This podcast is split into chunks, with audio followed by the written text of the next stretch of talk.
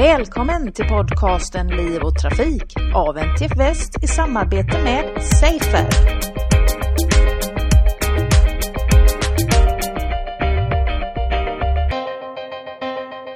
Liv och trafikpodden träffar idag Katarina Boman som är seniorforskare vid Autoliv och idag har vi också med oss Jerry Andersson som är barn i bilrådgivare på NTF Väst. Välkomna båda två! Tack, Tack. så mycket! Eh, vi ska prata idag om barn i bil och eh, först vill jag be dig Katarina bara beskriva vad gör du på Autoliv för något? Ja, jag jobbar på Autoliv som ligger uppe i Vårgårda och vi gör bilbälten och airbags till bilar och vi jobbar nu även med de så kallade aktiva systemen i bilen. Och där jobbar jag på forskningsavdelningen på Autoliv. Vi är en enhet där som gör forskning för hela Autoliv som är 55 000 människor över hela världen. Och där är jag ansvarig för forskningen på säkerheten i baksätet. Så det inkluderar barnen och eh, de vuxna, alla som sitter i baksätet. Eh, och du är knuten till eh, Safer i ett forskningsprojekt som heter Småfolksprojektet. Vad är det för något? Där är vi tre parter. Det är Chalmers, Volvo och Autoliv. Från början hade vi Saab med när de var med på den tiden. Eh, och vi har jobbat ihop sedan 2008 i projektform där vi har jobbat med framförallt att kartlägga hur skadas barn i bil. Vi tar fram grundläggande information om hur man skadas och sen tar vi med oss den informationen var och en till sig och gör någonting riktigt bra av det. Vad kan man säga om skadorna för barn i bil? Om du ger oss den eh, stora bilden först. Huvudet. Mm. Det är den stora bilden. Huvudet är den kroppsregionen som eh, oavsett ålder som är den mest skadade delen av kroppen hos barn. Och hur ser skadorna ut för olika åldrar för barn? Är det lika hela tiden eller vad ser ni för något? Um, ja, som här i Sverige då där vi kör bakåtvänt eh, med barnen upp till eh, de är runt fyra år. Där ser vi inte mycket skador alls. De klarar sig väldigt bra. Um, det är så man ska åka. Man ska åka bakåtvänt. Sen när man börjar vända dem så kan man börja se eh, problem ut över huvudet. Man börjar se problem med buken, med eh, ja, magen, ryggraden och det beror ofta på att man inte använder bilbarnstolen. Bälteskudden då som man ska använda eller man använder den felaktigt. Du har ju forskat en del kring och brukar prata om de glömda barnen. Varför kallar du dem det? Därför att de första åren med de här små barnen, vi är väldigt medvetna om att vi måste sätta dem i barnskyddet vi flyttar över till den stora bilbarnstolen och sen vet vi att vi ska sätta dem i en bilbarnkudde. Men någonstans där på vägen glömmer vi hur länge de ska sitta kvar. Så man slutar för tidigt och glömmer bort dem kan man säga. Vet man ungefär vid vilken ålder problemen uppstår? Alltså när, när åldersmässigt överger man bälteskudden? Ja, det kan eh, redan om du, eh, om du går och ställer utanför skola och börjar titta på de som går i tvåan ser du jättemånga som inte åker på bilbarnkudde. Och lagen säger att man ska sitta på bilbarnkudde till man är 135 centimeter. Men i praktiken kan man behöva sitta längre. Det beror lite på eh, hur bilen ser ut och kanske hur proportionerna på, på ens barn ser ut. Men det handlar om att eh, höftbältet ska hamna på höften och inte på magen. Och är man för kort då kan man inte böja benen runt eh, stolstynan. Då hasar man fram och så vinklar man höften bakåt och då åker höftbältet upp på magen. Och krockar man när man har bältet så här, då, då blir man skadad. Mm, det är de inre orga organen som Ja, de inre organen och man kan till och med bryta ryggraden. Mm. Hur länge borde vi ha kudden att sitta på? Alltså vi börjar väl utveckla våra höftkammare i tioårsåldern ungefär och klart först i puberteten. Hur ser du på det? Ja, det som händer med höftkamrarna, dels att de ändrar geometri och sen så blir de eh, hårdare för de är, det är mer brosk från början. Eh, så det, det, är rätt, det tar upp till tonåren innan de riktigt är färdigutvecklade. Men framförallt att de får längden så att de kan sitta eh, ordentligt med rumpan hela vägen bak. För då börjar bältet hamna på rätt ställe. Så att, eh, men eh, ja, jag skulle säga att du, du kan som förälder eh, tänk på längden. Säg runt mellan 10 och 12 år när du är 140 centimeter. Hur är det med bältet och det, hur det löper över axeln och in mot halsen och sådär då? Ja, det är viktigt att bältet sitter på axeln för sitter det för långt ut då kommer det åka av om du krockar. Sitter det för nära halsen så är det inga problem om du krockar. Okay. Eh, däremot är det ett komfortproblem. Så att om det skaver mot halsen så är barn uppfinningsrika. De hittar lösningar. Och de lösningarna är inte alltid så bra. Vad är det för mindre bra lösningar som de brukar Ja, hitta på? man kan sätta bältet under armen eller bakom ryggen eller och då, då, då funkar det inte som det ska om det krockar. Bältet behöver sitta på axeln för att kunna fånga upp hela överkroppen. Vad är det som händer då om jag sätter den under armen med kroppen på barnet? Eh, du fångar inte upp överkroppen utan du får ett framkast eh, i krocken som gör att du kan slå i ytorna i bilen. Du kan slå i stolen framför. Eh, Mm. Och dessutom så belastar du eh, delar av strukturen av kroppen eh, som, inte, som är mjuka. Du vill lägga bältet över bröstkorgen som klarar av att ta hög last. Det är lite hårdare där. Ja. Vad är det som, eh, varför är svenska föräldrar lite dåliga på det här då? Varför tar vi bort kudden för fort? Har du någon idé om det? Jag tror att det är okunskap. Mm. Det här är nu, eh, har jag inga vetenskapliga bevis på det här men jag tror det är okunskap. I och med att vi är så duktiga på den andra delen och vi vet att det är så viktigt så är vi duktiga på den. Men här tappar man det lite. Och sen tycker man kanske att det är lite jobbigt. Man kan ju tycka att den är ganska enkel med tanke på vad man har hanterat innan. Ehm, så jag, jag, jag röstar på okunskap. Vissa bilar har ju integrerade kuddar som man kan trycka upp som åker upp i sätet. Ja, Är de lika bra? de är lika bra. Ja. De, Bättre kanske De är bättre. Eh, vi har gjort studier på dem eh, i och med att de inte har några om de här hornen där du ska trä bältet. För att i och med att du lyfter upp barnet i den här integrerade och den sitter fast i bilen så du behöver inte sätta fast den, den sitter fast i bilen. Och så lyfter du upp den och då får du rätt geometri. Så då behöver du bara sätta på det bältet och du eh, behöver inte fundera på om det blev rätt eller fel för du bara sätter på det bältet. Medan när du använder den vanliga bilbarnkudden så måste du tänka på att den ska vara under hornen varje gång. Och det är viktigt att påminna föräldrar om att barnen är duktiga på att göra det själva men varje gång barnen sätter på sig bältet då är det viktigt som förälder att ta en titt. Gjorde det barnet rätt den här gången? Mm. Har alla kuddar horn som finns ute i handeln? Eh, Det finns en del bältesstolar där man har tagit bort hornet där, bälte, där själva kudden sitter ihop med ryggen. Mm. Och då sitter liksom själva stolen fast med bältet genom att den täcker liksom ryggen också. Så det behöver inte finnas horn? Man kan köpa utan? Man kan köpa utan. Ja. Det här med bältesstolar och eh, tjocka ryggstöd. Att man flyttar barnet framåt. Eh, ganska mycket. Och, och när, när bör man lämna bältesstolen och gå över på bara kudden? Åldersmässigt. Ja, genom att ha väldigt tjocka ryggar på de här, det gör ju att barnet hamnar längre fram. Och när ett barn hamnar längre fram då, hamnar, då är risken större att du slår i, om du skulle krocka, att du slår i eh, ytorna, stolen framför.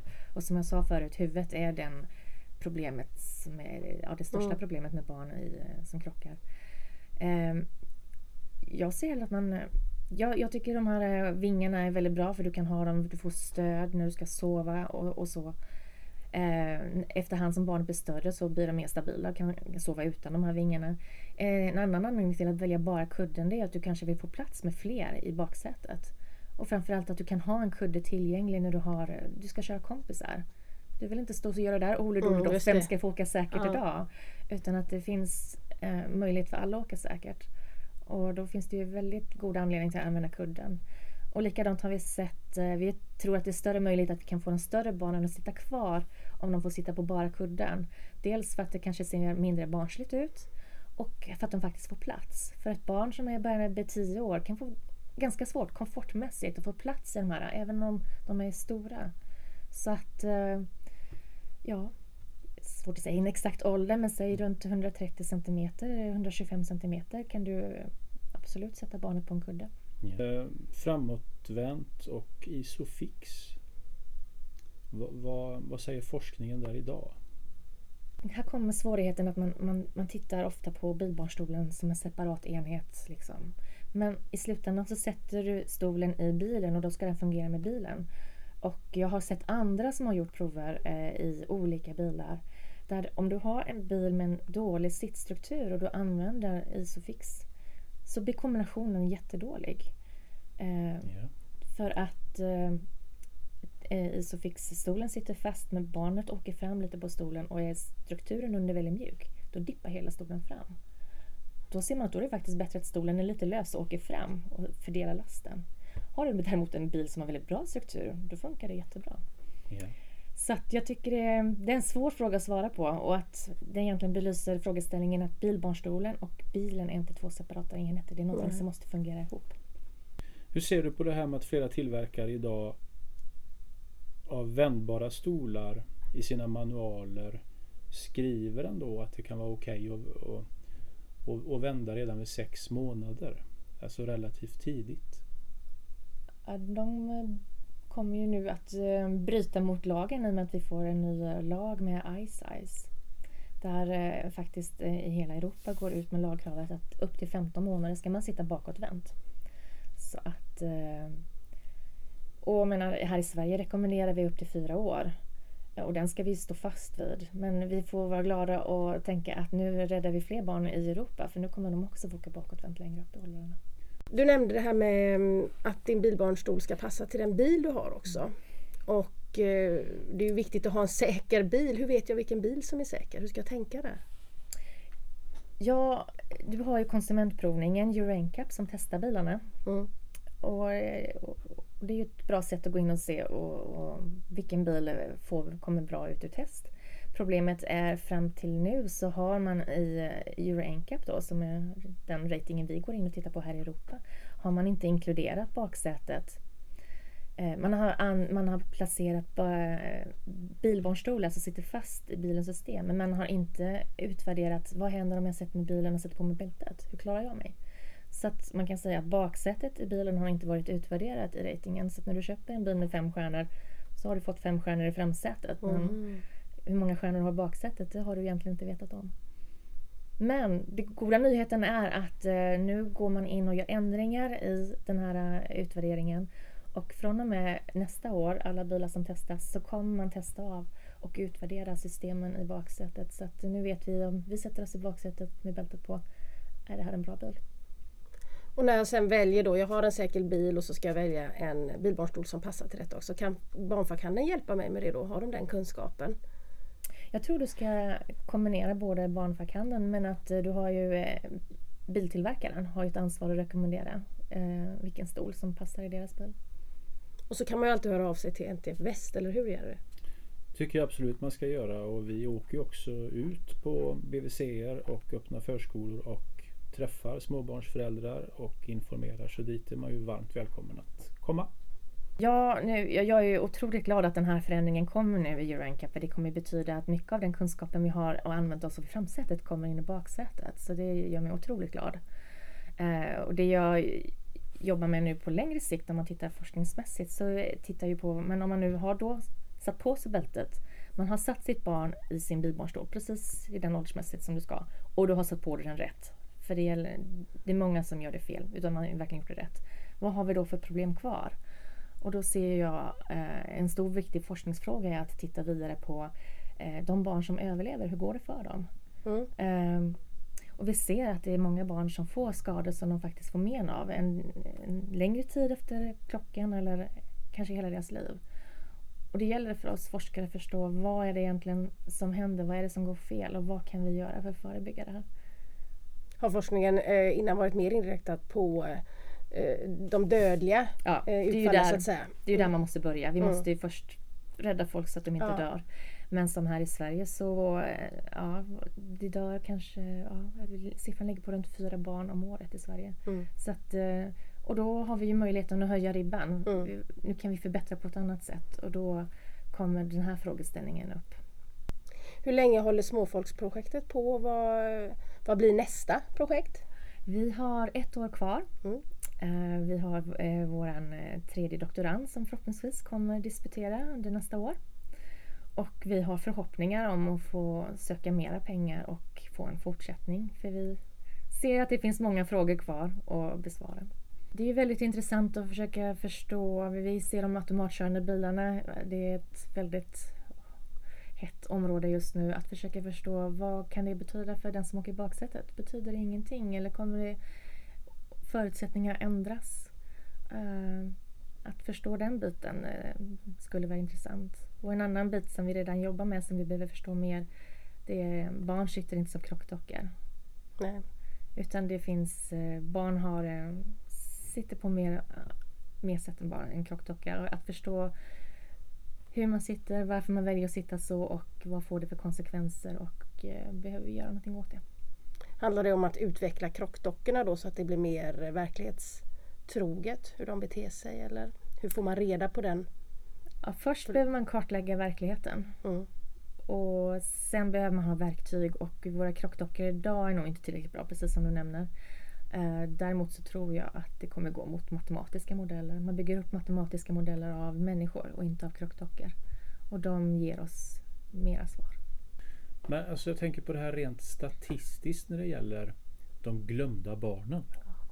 Kan man se har, har, har, forskningen kommit så långt så att man kan se en direkt skadebild? Har, har, man skadebilden klar för sig? Det man ser, om man nu tittar på dem, om man tittar på dem som faktiskt har satt på sig bältet som de ska och sitter på en bilbarnkudde, vilket de bortglömda barnen inte gör, men tittar man på den gruppen som gör det, då har man eliminerat alla bukskadorna. Ja. Japp, de är borta. Så kan vi få dem att behålla bälteskudden upp till ja. kanske 12 års ålder så, ja. så har vi vunnit mycket. Mm. Det, är den, det är den biten vi har kvar här i Sverige och det är den kunskapen vi behöver förmedla ut till de svenska föräldrarna. Sluta inte för tidigt. Utan håll ut och använd den tills ditt barn kan sitta på ett riktigt sätt i baksätet. Det är värt att argumentera med barnen. Att de behöver sitta en, en stund till. Och ett argument man kan ha är ju faktiskt att barnen ser bättre ut när de kommer upp en liten bit. Och har man då valt att använda bara kudden och inte stolsryggen så behöver det inte se så barnsligt ut heller om man nu tycker att den biten är avgörande. Just det där pratar vi jättemycket om när vi är ute. Och, och bältets dragning, att du, och du får, kommer nerifrån och upp och över låren. Ja. Att det går ner istället för att sitta utan. Du får ett rakt Och bälte. påminna föräldrarna att de har ett ansvar. Bara för barnet gjorde rätt igår betyder inte att barnet gör rätt idag. Nej, precis se på mina barn och ni kan veta att de är hjärntvättade. Ja. Tusen tack Katarina och tack så jättemycket Jerry. Vi säger hej då för idag. Tack så mycket. Tack och hej. Det var allt från Liv och Trafik för denna gång. Jag heter Angela Elvård och tack för att ni har lyssnat.